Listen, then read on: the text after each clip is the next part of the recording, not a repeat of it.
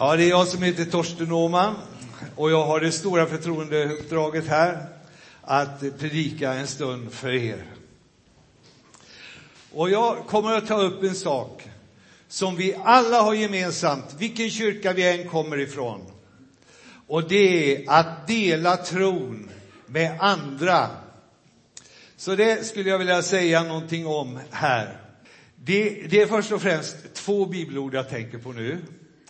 Och det är dels när det kommer en militär, en ganska hög officer och vill prata med Jesus. Det står i det åttonde kapitlet i Matteusevangeliet.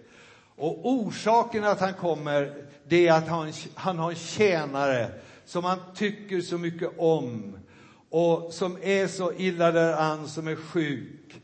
Och han hoppas att Jesus ska kunna hjälpa den här tjänaren och hjälpa honom. Och jag ska inte redogöra för den här dialogen alls, utan bara säga det som Jesus säger allra sist. Han säger så här, häpnadsväckande ord. Inte hos någon i Israel har jag funnit en så stark tro. Och detta är häpnadsväckande därför att denne officer var romare. Han var inte alls jude. Han tillhörde inte den religionen. Han representerade ockupationsmakten och var där den romerska religionen var ju något helt annat. Ni vet med alla de här statyerna som vi kan se och som vi känner namnet på en del av. Och eh, inte ens i Israel har jag funnits en så stark tro, säger Jesus. Sen kan vi bläddra några kapitel längre fram.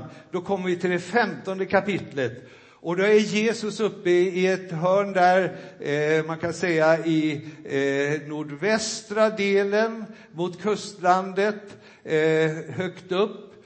Och där bodde kananéer. Och kananéerna hade en speciell religion. Och jag vill inte egentligen redogöra för den, för då kanske jag sätter igång era fantasier här alldeles i onödan. Men det var ruskiga saker som man höll på med i den religionen. Bland annat eh, så offrade man barn till Baal för att få bättre skördar och sånt här fruktansvärt. Och där kom en kvinna och hon bad Jesus om hjälp för sin dotter dotter som var illa däran. Och bara slutet av deras konversation, då säger Jesus så här. Kvinna, din tro är stark. Och nu ska jag berätta en sak som inte står i Bibeln, men som Billy Graham berättade. Och en del av er kanske undrar vem det är Ja, det är en predikant mycket berömd över hela världen, med stort förtroende och eh, mycket, mycket stor erfarenhet. Han blev inbjuden till ett buddhistkloster för att träffa munkar där och få, få gå på studiebesök. Och han träffade en mycket from munk. Och de samtalade. Och Billy Graham han ville väldigt gärna dela sin kristna tro med den här mannen. Så han började berätta om Jesus för munken. Och efter en stund så säger munken så här. Jaså, är det så han heter? Honom har jag känt länge. Ja, det här är det första jag vill säga i min predikan. Ofta finns det tro där man minst väntade. Och så vill jag säga lite grann om Sakaios. Ni vet han som heter Sackeus fram till år 2000 då han bytte namn. Uh, och han är världsberömd för han klättrar upp i ett träd när Jesus kom. Och den frågan jag vill ställa, varför gick Jesus hem till honom egentligen? Varför just till honom? Det var ju så otroligt mycket folk som trängdes runt Jesus. Han var som en riktig popstjärna när han drog genom Jeriko. Alla ville vara med. Och så gick Jesus hem just till Sackeus, Sackaios. Och folk sa så här, ja men varför går han hem till honom? Han är ju en syndare. Och det är ett skarpt ord, syndare. Eh, alltså egentligen betyder det religiöst ointresserad, religiöst eh, indifferent, för att eh, använda ett fint ord. Han var inte intresserad av sådana saker. Och så gick Jesus hem till honom. Folk hade uppfattningen att han, han var inte alls religiös. När, när folk på sabbaten gick till synagogan, då kanske Sakaios var ute och grävde i trädgården. När folk for upp till Jerusalem på de stora högtiderna, var där, kanske han tog sin åsna och red ner till Döda havet och tog ett svalkande dopp och kopplade av där nere istället. Och så gick Jesus hem just till honom. Vad var det Jesus såg hos Sackaios egentligen? Ja, det ska jag återkomma alldeles strax till. Men först skulle jag vilja säga något om hur tron uppstår hos en människa. Jag tror det är en intressant fråga att tänka igenom. Faktum är att för de allra flesta människor kommer tron som en soluppgång. Kommer lite ljus, lite mer ljus och lite mer och är människan öppen för det ljus hon får så får hon ta emot ännu mer ljus. Det verkar vara så. Eh, vi har många exempel på detta i Bibeln. Jag tänker på en annan militär, han heter Cornelius. Det står om honom att han gav allmosor, det vill säga han var engagerad i välgörenhet. Och människor som är engagerade i det, de har något gott inom sig. Och det goda kommer från Gud. Man vill hjälpa sina medmänniskor. Så det hade kommit in en strimma av ljus i hans liv, verkligen. Och så hade han börjat att be. Så han hade fått ännu mer ljus, kan man säga, från Gud på trons väg. Och den som ber brukar ofta få vara med om eh, intressanta händelser. Och det fick han vara med om. Han fick till och med en upplevelse. Och han fick höra ett tilltal att han skulle skicka bud efter en som hette Petrus. Och det gjorde han. Och denne Petrus kom dit och Petrus berättade för dem om Jesus. Alltså, Cornelius var på gång. Nu kom namnet Jesus in i hans tanke. Och så fick han höra om syndernas förlåtelse. Och det är en stor sak. För det talar om Guds nåd. Att det är inte vår egen präktighet och godhet som ger oss tillträde till Guds gemenskap, utan det är Guds godhet som öppnar dörren. Och han fick höra om detta. Ljuset gick upp ytterligare i hans liv. Och sen, i den här processen, fick han erfarenhet av den helige Ande, som är Guds kraft för vardagen, för människan i utmaningarna och, och, och som troende. Och så gick ljuset upp i hans liv och denne man blev en personligt kristen människa och troende. Vi läser i Ordspråksboken 4.18 att den eh, rättfärdige stig är som gryningens ljus som växer i klarhet till dess dagen når sin höjd. Så är det för de allra flesta. Och så undervisar också Jesus. Han sa, med Guds rike är det som när en man har fått utsädet i jorden. Han sover och stiger upp, dagar och nätter går och säden gror och växer, han vet inte hur.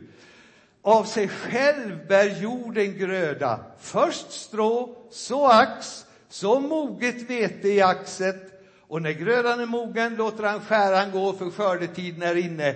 Det är inte så att säden kommer plötsligt med eh, fullt mogen, utan det växer, det händer någonting. Och så här är det i människans liv. Och är man bonde så är man vaksam för den här processen och vad som händer. Och det är viktigt att vi som är troende och är engagerade i kristet arbete, att vi är vaksamma för den här processen som pågår i människors liv. Inte alltid är vi det, och vi kan ställa till med lite grann och faktiskt eh, eh, eh, faktiskt också skada om vi inte ser upp vad som händer i människors liv. Ni ska få ett utdrag här ifrån eh, P.O. Enquists bok Ett annat liv. Han berättar där om när han var en liten kille och hans mamma hade bestämt att han skulle bekänna en synd varje vecka på lördagen skulle pojken, den lilla pojken bekänna en synd och be om förlåtelse för. Och Det här blev ett stort problem för honom, för han kom inte på något att bekänna. Han inser att han helt enkelt är för god. Desperat grubblar han allt medan lördagen närmar sig på vad han ska bekänna. Han hittar inget, kanske för att det inte finns någonting att bekänna. Och han vet inte hur han ska bete sig, det här är en stor vånda för honom. Och till slut kommer han på att han ska, att han ska säga att han har stulit en karamell i affären. Så när lördagen kommer så berättar han det. Och det blir en scen när han får be om Gud om förlåtelse för det som har hänt. Och hans mamma går till Konsumföreståndaren och talar om att pojken har stulit en karamell och Konsumföreståndaren säger att det är fullständigt omöjligt, den är på en hög hylla här bakom mig. Ingen kan ta någon karamell här. Det är fullständigt omöjligt. Och hon går hem och förstår att pojken har hittat på. Och då är det ju det han ska göra upp. Men det tycker hon inte är rätt. Och så krånglar det ihop sig alltihop. Tänk vad viktigt det är att vi är känsliga för våra barn och hur de har det och, och i vilket läge de befinner sig. Tänk om mamman hade varit så klok så hon hade sagt att nu är det lördag kväll och vi kan knäppa våra händer en liten stund. Är det någon av dina kompisar som har det jobbigt så kan vi be att Jesus hjälper honom eller henne.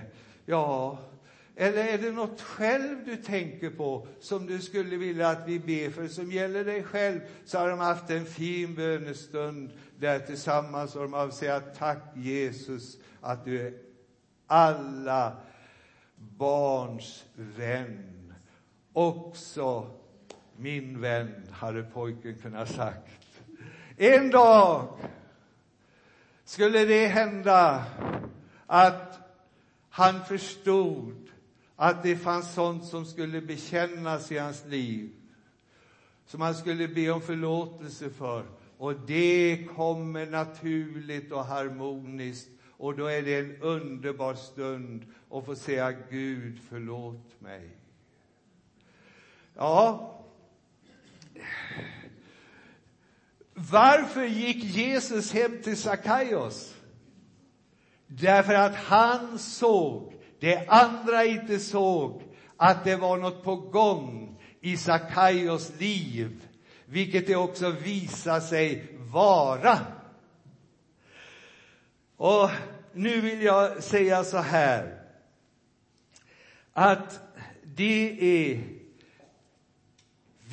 så viktigt att vi som är troende bekänner vår kristna tro att vi ser det, vi, det Jesus såg i människors liv. Att vi ser att det är mycket som rör sig hos människor som har med Gud att göra. Att vi tänker på det när vi är i Nordstan, att här är många människor i vilkas liv Gud verkar. Alla har inte kommit till en medveten tro än, men Gud verkar här. När du ser på din familj och din släkt, att du förstår att Gud verkar där och har något på gång i deras liv. Eh, när du ser dina kompisar på jobbet Och du tycker de svär mycket och du tycker de pratar mycket om festen på fredag och på lördag och så vidare. Men det är viktigt att förstå att också där verkar Gud. Ja, men är det inte många människor som har sagt nej till Gud och vänt ryggen till Gud? Jo, det kanske det är. Men det är väldigt många som inte har gjort det. Och där pågår ett verk. Och det är viktigt att vi som kristna ser det. Och att vi har samma attityd som Jesus hade. Som uppmuntrade tron. Han ifrågasatte inte tron hos den höge militären och sa du är ju romare. Du har ju en väldigt konstiga tankar, det vet jag att ni romare har. Nej, han uppmuntrade tron. Han sa till och med den är ju stark. Och han knäckte inte kvinnan där i kananéernas land och sa det att du är new ageare och det ska jag tala om för dig att det är alldeles galet. Utan han uppmuntrade den tro som fanns.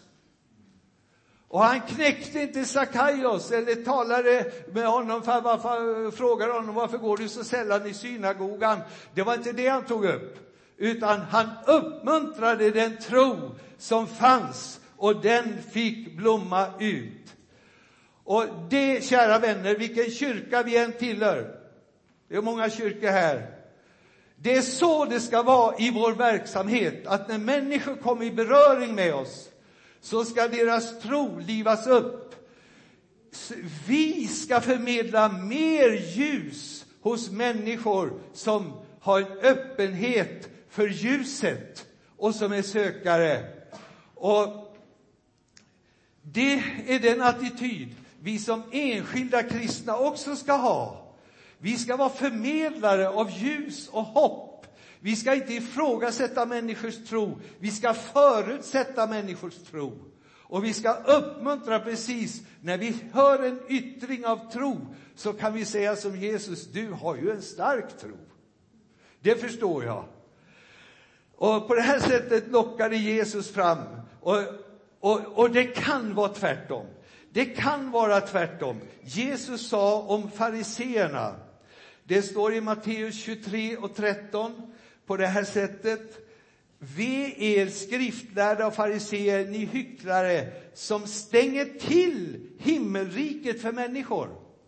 Genom sitt liv och sitt sätt att utöva religion så stängde de människors hjärtan. Och det här är ju en oerhört allvarlig sak och det gäller för oss att vara uppmärksamma här. Och var, varför stängde de människors hjärtan? Jo, därför att de gav en attityd av självgodhet. Och det här är ingenting som människor öppnar sina hjärtan för. De var överlägsna. De ville gärna vara lite för mer. Och de gav den attityden. Och är det något som stänger människors hjärtan för tro så är det när de möter kristna som tycker sig vara lite för mer eller som ger den attityden. Jesus sa till dem att de var hycklare.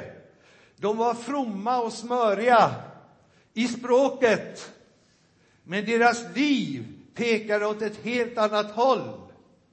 Och därför stängde de dörren för andra människor som sökte Gud. Hur ska man undvika det här? Det här är ju fruktansvärt tragiskt och tråkigt. Hur ska man undvika att bli en sån människa? Ja, det finns en väg som vi kanske borde beträda lite mer under ännu större allvar än vad vi ofta gör, nämligen syndabekännelsen. Och med det menar jag inte att återupprepa ord och läsa vissa saker bara. Utan jag menar det ungefär som vi får vara med om när vi ska ut och flyga. Då går vi igenom en säkerhetskontroll. Och det är ofta någon slags metalldetektor, men nu har det kommit nya grejer som är bättre, digitala grejer. Och man får ställa sig så här, man räcker upp händerna så här emot dem och så blir man precis genomlyst, så de ser precis vad man har med sig, om man har något som inte är bra. Och på det sättet behöver du och jag som är troende komma inför Gud och säga, finns det någonting i mitt liv som inte ska vara där? Det finns en bön om det här. Utransaka mig, Gud. Känn mig, pröva mitt hjärta, mina tankar. Och det här, mina vänner, är väldigt välgörande. Tänk vilka tragedier som hade undvikits om vi praktiserade detta lite mer. Till exempel, han börjar smussla lite med affären, lite grann med bokföringen. Andra gör det också. Gud, finns det något? Ja, det finns något. Du ska vara ärlig rakt igenom. Eller när man börjar sätta sig tillsammans med någon på jobbet som är gift med en annan och det börjar bli lite, lite för djup gemenskap där. Många tragedier har börjat så. Stora tragedier.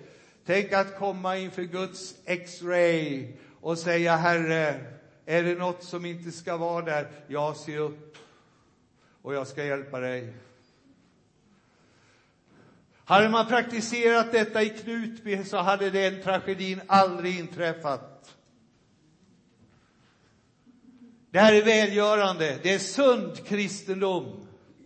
Vi ska inte hålla på och bekänna våra synder ständigt, ständigt och jämt och rota i vårt inre. Men ibland behöver vi gå igenom säkerhetskontrollen. Och vill vi vara använda av Gud, då ska vi göra det lite nu och då så att vi inte stänger dörren för andra människor som söker Gud. Nu är min predikan snart slut. Men jag vill sluta med ett underbart exempel. Alltså, detta är bara så bra. Eh, min predikan hade inte alls landat så lyckligt om jag hade hoppat över detta, det vågar jag säga. Eh, har ni tänkt på... Ja, jag, ska, jag ska läsa först här. Det står om Sakaios, nej, om Stefanos, Stefanos, den första som fick lida martyrdöden. När han stod inför Stora rådet står det att hans ansikte lyste som en ängels ansikte. Så står det i Apostlagärningarna. Har ni funderat över hur Lukas, som skrev det här, kunde ha fått reda på den här saken? Vem var det som berättade detta för Lukas? Lukas var ju inte med här. Paulus. Vem sa Paulus? Ja, det var Paulus. Du hade rätt. Han stod ju med där. Då var han en skarp motståndare till kristendomen. Han var med där och han såg det här. Och han kunde inte glömma det här. Så när han och Lukas sen satt och pratade så sa Paulus, du vet,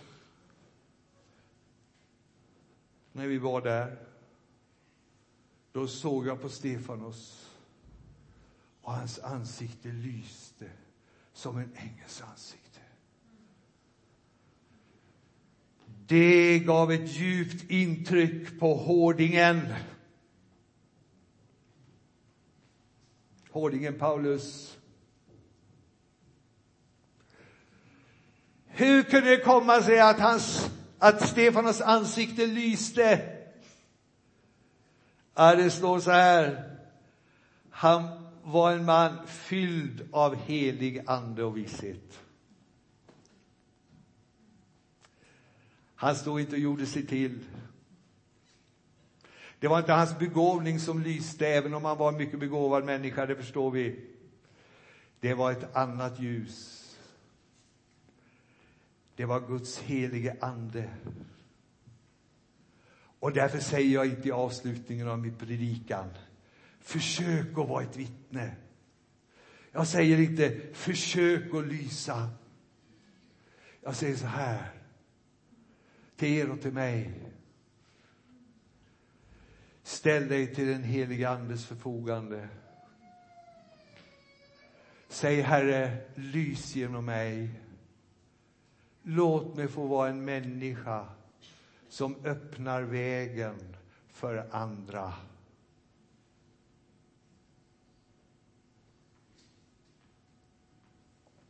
Amen. Jag vill be er att ni står upp.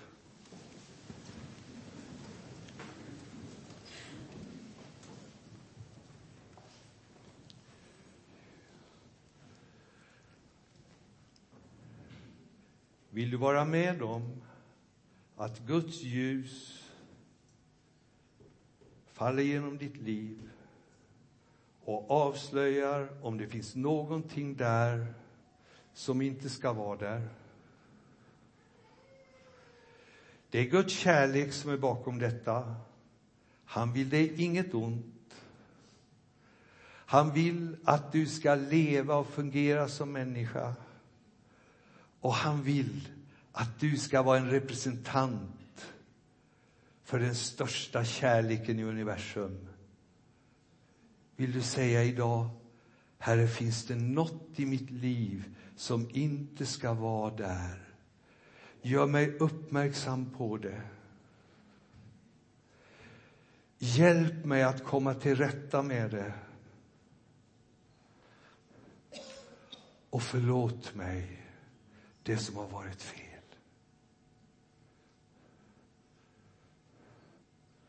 Vill du också be med de här orden? Herre, i mig själv är jag inte särskilt bra vittne för ditt rike. Men jag skulle så gärna vilja att din helige Ande verkar i mitt liv så jag får representera något större än vad jag själv är. Vill du be det?